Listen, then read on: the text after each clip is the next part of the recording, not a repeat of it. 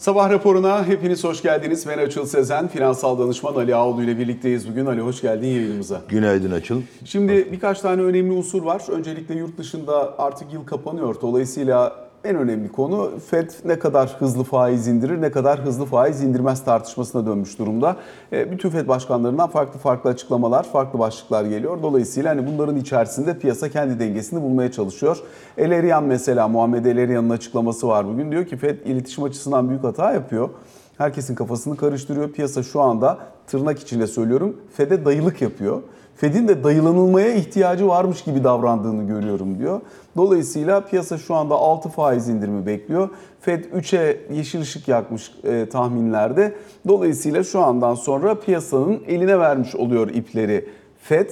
Böyle bir eleştirisi var örneğin. Bir parça bunu konuşacağız. Biraz içeride Moody's'in Türkiye ile ilgili değerlendirme notu raporu ve bunun detayları üzerine odaklanacağız. Bir de elbette Merkez Bankası faiz kararı yarınki toplantı öncesinde tablo neye e, işaret eder? Biraz bunları değerlendireceğiz. Hızlı bir yurt dışı toparlamasıyla başlayalım. Sonra daha çok ağırlıklı Türkiye'yi de konuşuruz. Ama bu arka arkaya gelen gevşeme mesajlarını veya işte Fed başkanlarının her birinin yarattığı bilinçli diye anlıyorum ben. Çünkü herkes artık biraz daha e, kendi duruşuna göre gitmeye çalışıyor orada.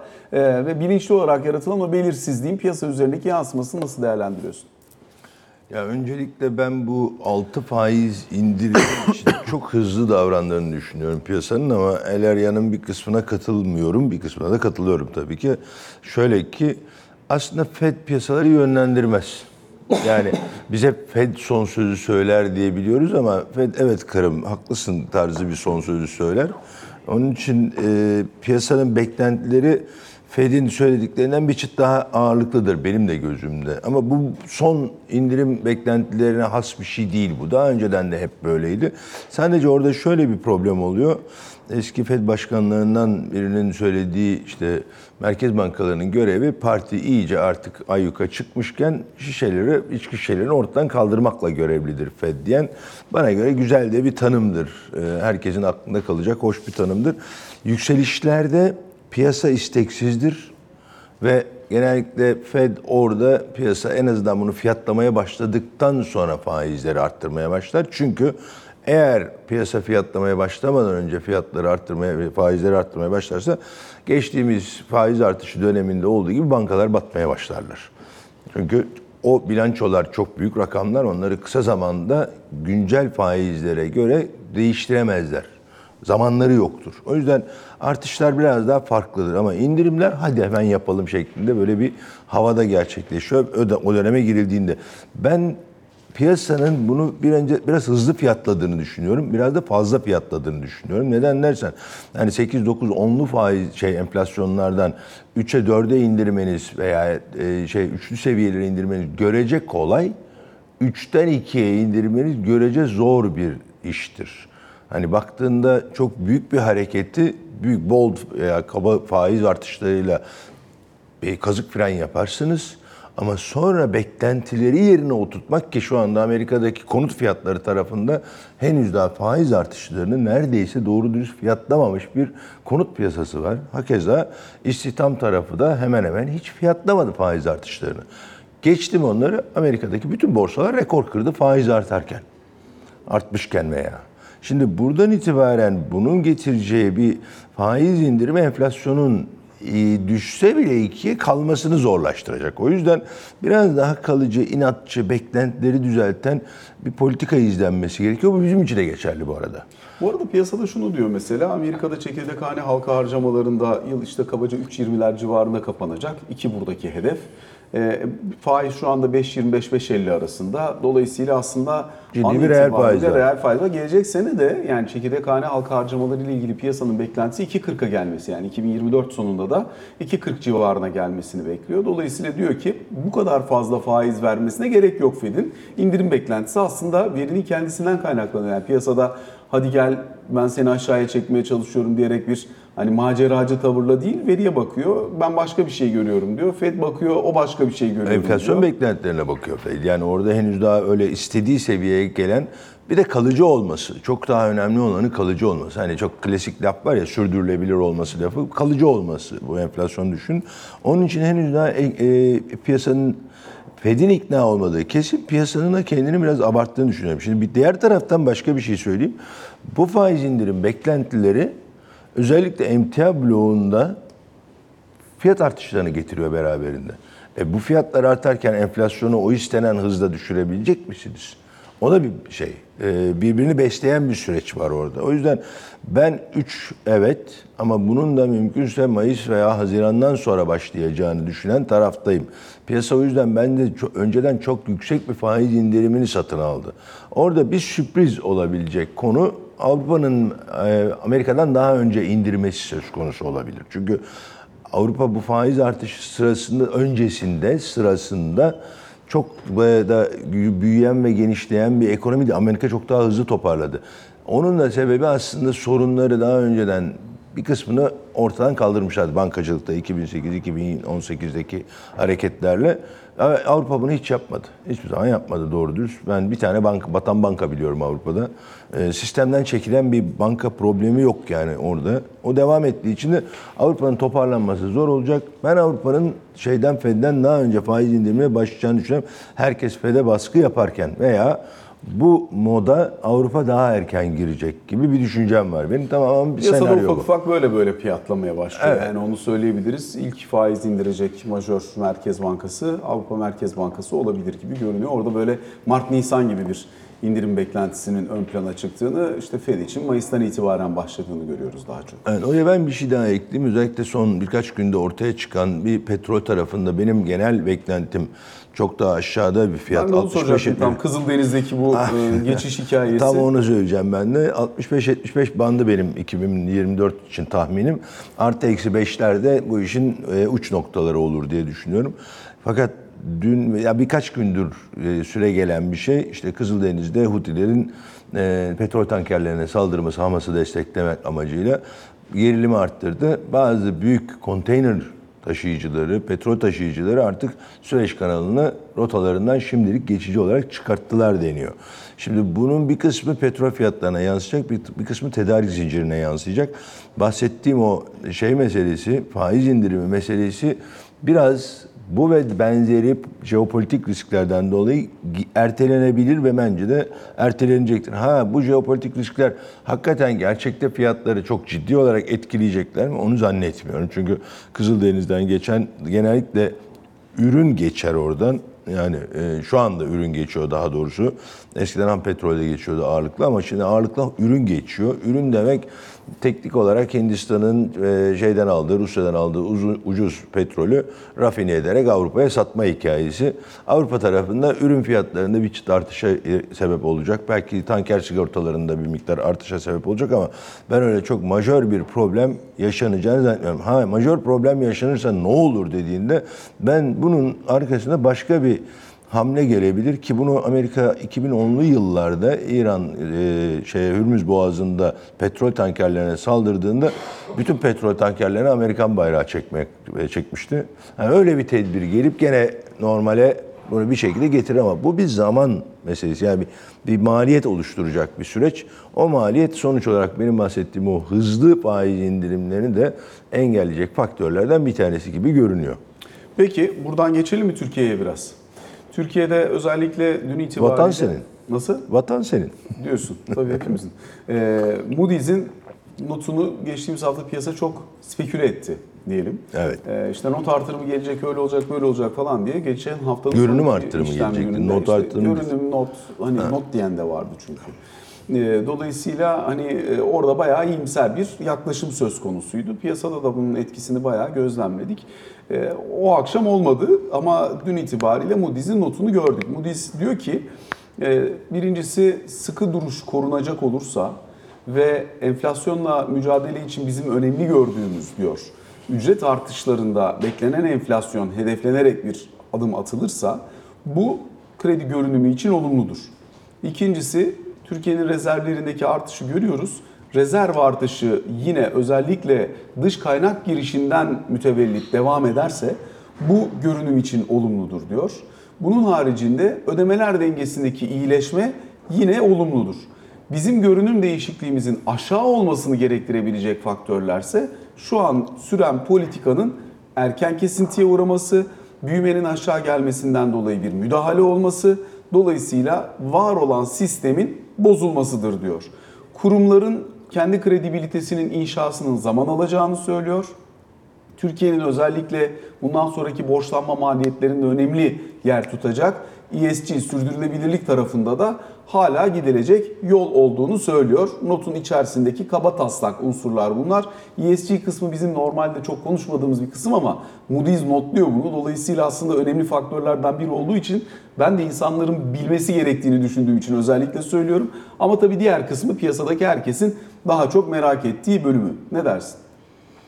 Ya ben söylediklerinde bana e, garip gelen pek bir şey olmadığını söyleyeyim. Şimdi burada bir enteresan olacak. Birkaç kişi de, de benzer konuları konuştuk. Ben diğer iki görünüm artışının biraz erken geldiğini düşünenlerdenim. Yani e, tabii onlar arttırınca e, Moody's de arttırır dedi. Moody's daha konservatif bir tavır sergiliyor.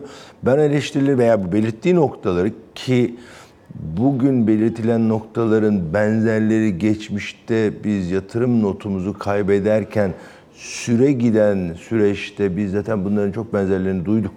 Yani bu ve benzeri işler yapmaya devam ederseniz bu notları düşüreceğiz, görünümü düşürdük, not düşürdük düşük vesaire diyen altı kademeli bir not düşüşüyle biz bugüne geldik.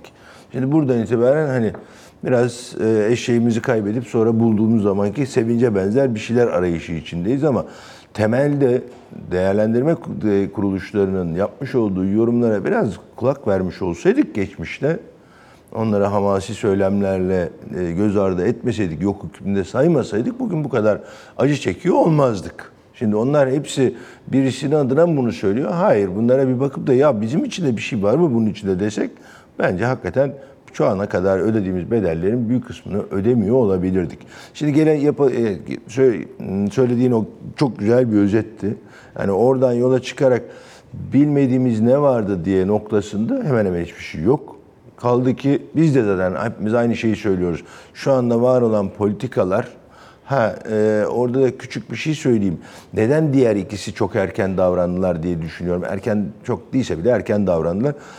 Henüz bu politikaların net sonuçlar verdiğini gördük mü diye baktığımda ben gördüğümüzü düşünmüyorum. Neden diyeceksin? Bir, enflasyon henüz aşağı yönlü bir eğilim bile sergilemedi. Rezerv artışları dediğimiz, bu rezerv artışlarımız bizim nominal rezerv artışları. Reel rezerv artışlarında henüz daha eksi rezervimizi biraz daha az eksiye getirme noktasındayız. da halen daha eksi rezervdeyiz. Ama bir şey sorayım mı? Tabii ki.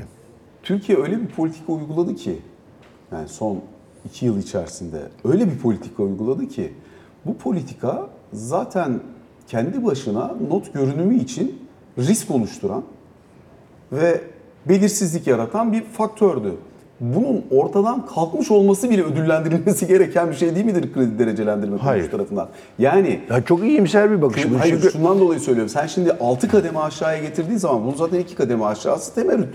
Dolayısıyla hani 6 kademe aşağı getirdiğin zaman bu politika bu ülkeyi çok kötü bir yere götürüyor fiyatlıyorsun ya.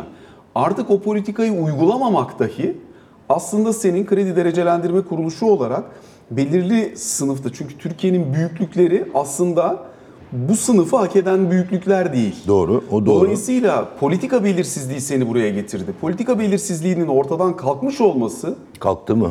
e, şu an için kalktı başka bir Şu şey an yapılıyor. için. Şimdi şöyle anlaşalım. Ben, ben sadece bunun ödüllendirmesinden bahsediyorum. Yani bunu demiyorum. Sadece bu politika belirsizliği ortadan kalktığı için Türkiye'nin notu birkaç kademe artardan bahsetmiyorum. Ama en azından görünüm değişikliklerinin gelmesi normal değil midir? Şimdi dedim ya iki taneden, üç taneden iki tanesi yaptı. Yani eee, ama bir ödül gerektiren bir başarı henüz daha yok diye düşünüyorum. Yani teşvik gerektiren bir başarı. Diyeceksin ki Sonucu ya sen de not artar zaten. hayır. Önce görünüm arttırırsın. Bir yıl yerine altı ay sonra not diyorum yani o, o zaman ama onu yaparsın. Şimdi rezerv artışı dediğin nokta bir defa şöyle çok önemli bir bizim için bir belirsizlik noktası daha var. Seçim. Yerel seçim. Yani teknik olarak Ve ben baktığım kadarıyla, gördüğüm kadarıyla diyeyim, baktım demiyorum ama gördüğüm kadarıyla bu seferki yerel seçimler biraz önemsizleştirilmeye çalışılıyor gibi bir yaklaşımım var benim. Ee, diyeceksin ki nereden çıktı bu? E, çok değil yani sonunda üç buçuk ay sonra biz seçime gideceğiz. Daha doğru dürüst adaylar yok. Kimler belli, yarışacak belli değil. Po- Bize ne önerecekler? Çünkü yerel seçimlerde ben vatandaş olarak, burada yaşayan birisi olarak İstanbul Büyükşehir Belediye Başkanı adayı kimse veya adayları bana ne önereceğini ben biraz duymak isterim doğrusunu istersen. Şimdi bu belirsizlik aslında yerel seçim olması hasebiyle e, genel idareyi değiştirmeyecek olsa da genel idareye bir baskı kurulacak mı, kurulmayacak mı? Genel idare yerel seçimlerde de öncül olacak mı, olmayacak mı gibi bir belirsizlik küçük de olsa devam ediyor ama esas belirsizlik şu ana kadar yabancı yatırımcıların sorduğu iki temel soru var. Birincisi KKM'yi ne yapacaksınız? İkincisi e, Sayın Şimşek görevde kalmaya devam edecek mi? Şimdi ben kendi adıma Sayın Şimşek'in görevde kalma ihtimalini yükseldiğini düşünüyorum. Neden? İşte Kasım ayında, Ekim ve Kasım aylarındaki iki PPK kararı hem zamanlamaları hem de güçleri açısından bence önemli ve kararlı olmaya devam edeceklerini söylüyor. İki ay. Üstünden de bir ay geçecek. Şimdi bir üçüncüsü yani ardışık üç ayda. Ben olsam bunu görmeyi tercih ederim ki onun için diyorum ben halen de e, uygulanmakta olan politikanın iyi ve olması gerektiği gibi bana göre biraz da yavaş geldi. Bana göre daha hızlı gelmesi gerekiyordu. Ama henüz daha sonuç verdi de bana elime yani ben de bir yatırımcı olarak için Türkiye açısından baktığında iki şey oldu. Bir e, bizim CDS'lerimiz düştü ama zaten daha önceden CDS'e ihtiyaç duyan yabancı yatırımcılar Eurobondları sattığı için aynı anda CDS'leri sattıkları için 800'lerden 500'lerin altına düştük. Şimdi bu politikalar uygulandığı için bizim not şeyimiz veya görünüm artışımız zaten bizim CDS'lerimizin bir kısmına yansıdı. Biz ucuz fonlamaya başladık teorik olarak. Bir şey daha küçük de olsa yabancı bankaların A Türkiye'ye ilgisi B Türkiye limitleri artmaya başladı. Eskiden ekranlarında Türk lirası yokken artık Türkiye'yi izler hale geldiler. Bunlar iyi şeyler. Zaten onun ödüllerini görüyoruz ama bu gidip Moody's'i bir görünüm veya not artışına götürür mü noktasında bence götürmezdi, götürmedi. Yani bana bana çok şaşırtıcı gelmiyor. Benim için şaşırtıcı olan biraz öteki diğer ikisinin önce davranmış olmaları. Bana şaşırtıcı gelen biraz beklemeyi tercih ederler diye düşünüyorum. Çok da önemli değil. Aynısı iştir kişinin lafa bakılmaz. A ucuza borçlanabiliyoruz. B bir limitlerimizin bir kısmı yabancı bankalar tarafından arttırılmaya başlanacak. Daha başlanmadı bile. Onlar da Mart'ı bekliyorlar, seçimleri bekliyorlar. Şimdi o yüzden ben hani piyasanın bunu önden bence speküle etmekten biraz da öteye manipüleye geçtiler. Çok gereksiz buluyordum. Hatta kaldı ki şunu söyleyeceğim ben. De ki görünümü şeye çevirdi, olumluya Şey çevirdi.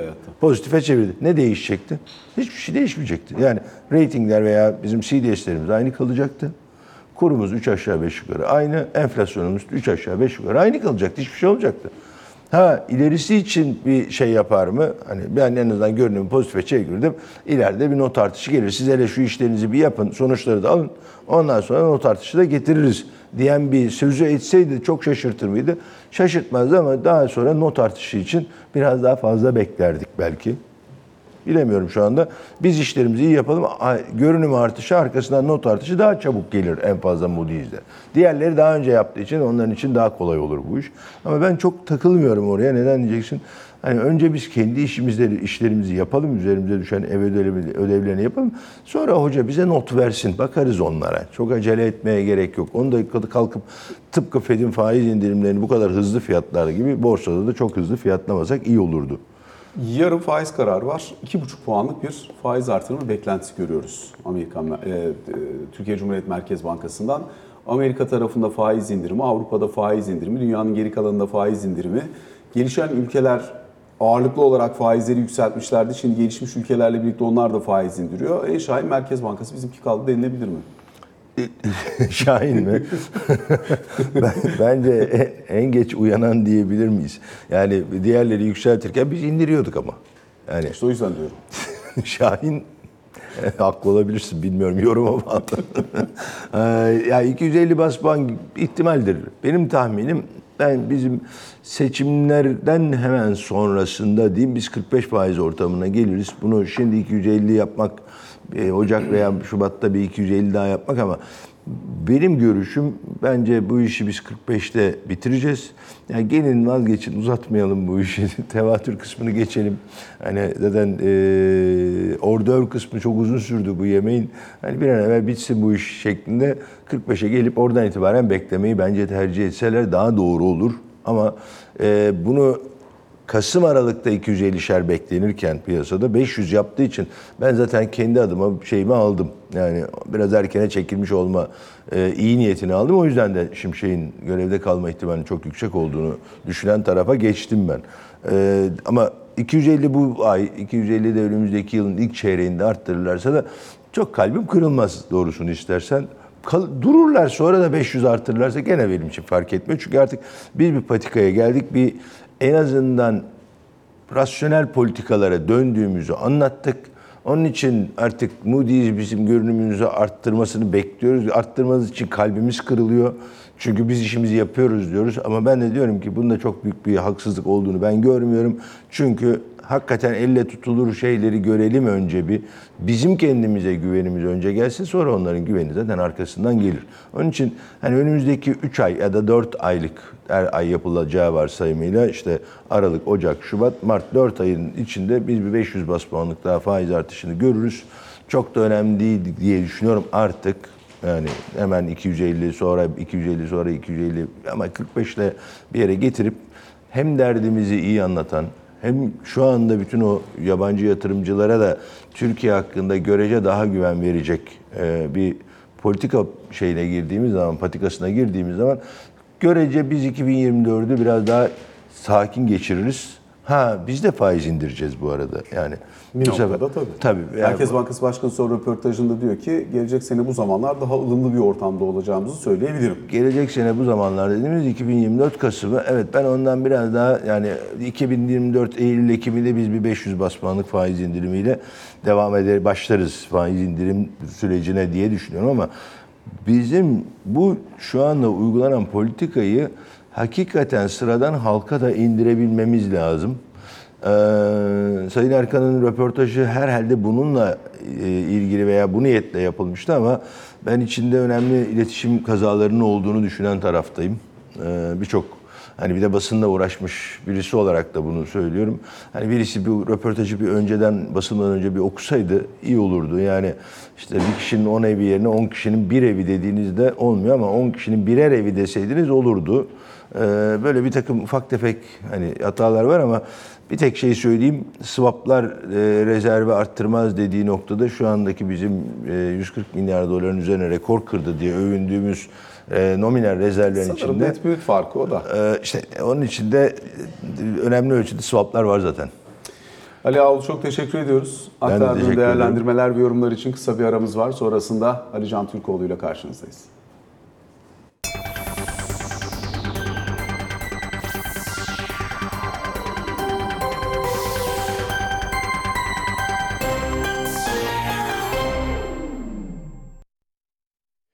Sabah raporunun ikinci bölümünde Ali Can Türkoğlu ile birlikteyiz. Ali Can günaydın. Günaydın. Cumhurbaşkanı Erdoğan'ın Macaristan dönüşü önemli açıklamaları var. Hem NATO, Amerika Birleşik Devletleri çerçevesinde hem aynı zamanda Avrupa Birliği çerçevesinde neler var ön plana çıkan? Ee, bence Avrupa Birliği mesajları oldukça e, kritik ve değerli. Neden? Ee, Macaristan'dan bu mesaj, Macaristan dönüşü bu mesajların verilmesi de önemli. Şimdi 2024'ün ikinci yarısında Macaristan AB dönem başkanı olacak. Ee, dün sabah da konuştuk. Dün sabah Hakan Fidan'ın mesajları üzerinden konuşmuştuk. Vize konusuyla ilgili olarak hatırlar izleyicilerimiz de. Ee, hem de Gümrük Birliği üzerinden. Ee, şimdi dün de Cumhurbaşkanı'ndan benzer yönde mesajlar gelince yani birçok üye ülkeden Türkiye'nin daha hazır durumda olduğunu, dolayısıyla Avrupa Birliği'nin Türkiye'ye yapmış olduğu bu yanlıştan vazgeçmesi gerektiği vurgulanıyor. Tamam bu zaten Ankara'nın e, Brüksel'le ilgili olarak uzun bir süredir söylediği e, cümleler aslında. Yani Türkiye'nin Avrupa Birliği'de birçok kriteri yerine getirmesine rağmen AB konusunda halen kendisiyle gerekli temasların kurulmadığı konusu. Ama 2024'ün ikinci yarısında Macaristan'ın Avrupa Birliği dönem başkanı olmasıyla beraber çok daha farklı gelişmeler izleyebiliriz, gözlemleyebiliriz. Çok daha farklı gelişmeler olabilir sözü sanki 2024 yılı içerisinde ilk yarıda Türkiye ile AB arasındaki Türkiye'den AB'ye gidecek pozitif mesajların devam edeceği, ikinci yarısında ise Macaristan'la beraber ki Macaristan Türkiye'ye AB üyeliği konusunda da Avrupa Avrupa ile e, farklı konular ve gündem maddeleri konusunda da Türkiye'nin yanında duran nadir ülkelerden bilindiği gibi. e, bu dönem başkanlığı sırasında da yeni adımların atılacağına yönelik bir mesaj veya bir sinyal gibi e, algılandı ve en azından ben öyle algıladım. Dolayısıyla bu süreçte sanki e, AB perspektifinin yoğun olarak Türkiye tarafından da vurgulanacağı ve en azından işte raporun ertelenmesinden ötürü e, Türkiye'nin duymuş olduğu sıkıntıyı ve rahatsızlığı dile getirdi zaten Dışişleri Bakanı ama e, sanki 2024'ün ikinci yarısıyla beraber de işte zirveler, toplantılar, işte Ankara-Brüksel ziyaretlerinin çok daha fazla olacağı bir sürece girilecekmiş gibi gözüküyor. Ben o yüzden AB konusundaki mesajlarının e, ayrıca önemli olduğunu düşünüyorum. ABD konusunda ise Biden'ın kendisine e, şöyle bir teklifle, öneriyle geldiğini ifade ediyor Cumhurbaşkanı. Siz İsveç'in NATO üyeliği konusunu meclisten geçirin. Eş zamanlı olarak ben de F-16'ların e, onay sürecini kongreden geçirteyim yönünde. Bu konuyla ilgili zaten sürecin buna ilerlediğini, Türkiye-ABD arasında yapılan görüşmelerde bunun mesajının e, Amerika Birleşik Devletleri tarafından çok sık verildiğini zaten konuşuyorduk. Netleşmiş oldu sadece. Sadece kelimeye dökülmüş oldu. Zaten Türkiye Büyük Millet Meclisi'nde bütçe sürecinden sonra, e, bu arada ara verilmeyecek bütçeden sonra, bu çalışan emeklilere 5 bin lira verilmesiyle ilgili e, yarıda kalan süreç devam ettirilecek. O yüzden meclis bütçe sonrası her zaman olduğu gibi bir ara e, verme yöntemini kullanmayacak. Sonrasında ama bu emeklilere yapılacak düzenleme geçtikten sonra bir ara verilecek. E, Onun bilgisini de paylaşayım tekrar izleyicilerimizle. Onun sonrasında da gözüken o ki bu İsveç'in NATO sürecinin hızlı bir şekilde gelmesi sağlanacak diye okuyorum. Ben dün Cumhurbaşkanı'nın açıklamaları. Bunun dışında bir de İsrail'e yönelik mesajları var Netanyahu ile ilgili özellikle. Bu konuda da kendisinin gidici olduğunu ama koltuğu bırakıp gitmenin onu kurtarmadığını söylüyor. Bir cümle onunla ilgili de söyleyeyim istersen. Çünkü dün arka arkaya açıklamalar geldi. İsrail Cumhurbaşkanı Herzog'dan insani arayla ilgili olarak e, Açığız rehin- dedi. rehinelerin serbest bırakılması için insani arayı açığız dedi ama Hamas tarafından savaş sona ermeden, savaş durmadan, savaş devam ederken es- esir takasına ilişkin bir müzakere yapılmayacak ama savaşı sonlandıracak her türlü girişime de açığız açıklaması geldi. Yakın zamanda bu konuyla ilgili de yeni bir gelişme olabilir. Bir de Erdoğan-Putin görüşmesi olacak gibi gözüküyor yakın zamanda. O da tahıl koridoru ile ilgili. Teşekkür ediyoruz Ben Alican. teşekkür. Sabah raporuna böylelikle son noktayı koymuş oluyoruz. Hoşçakalın.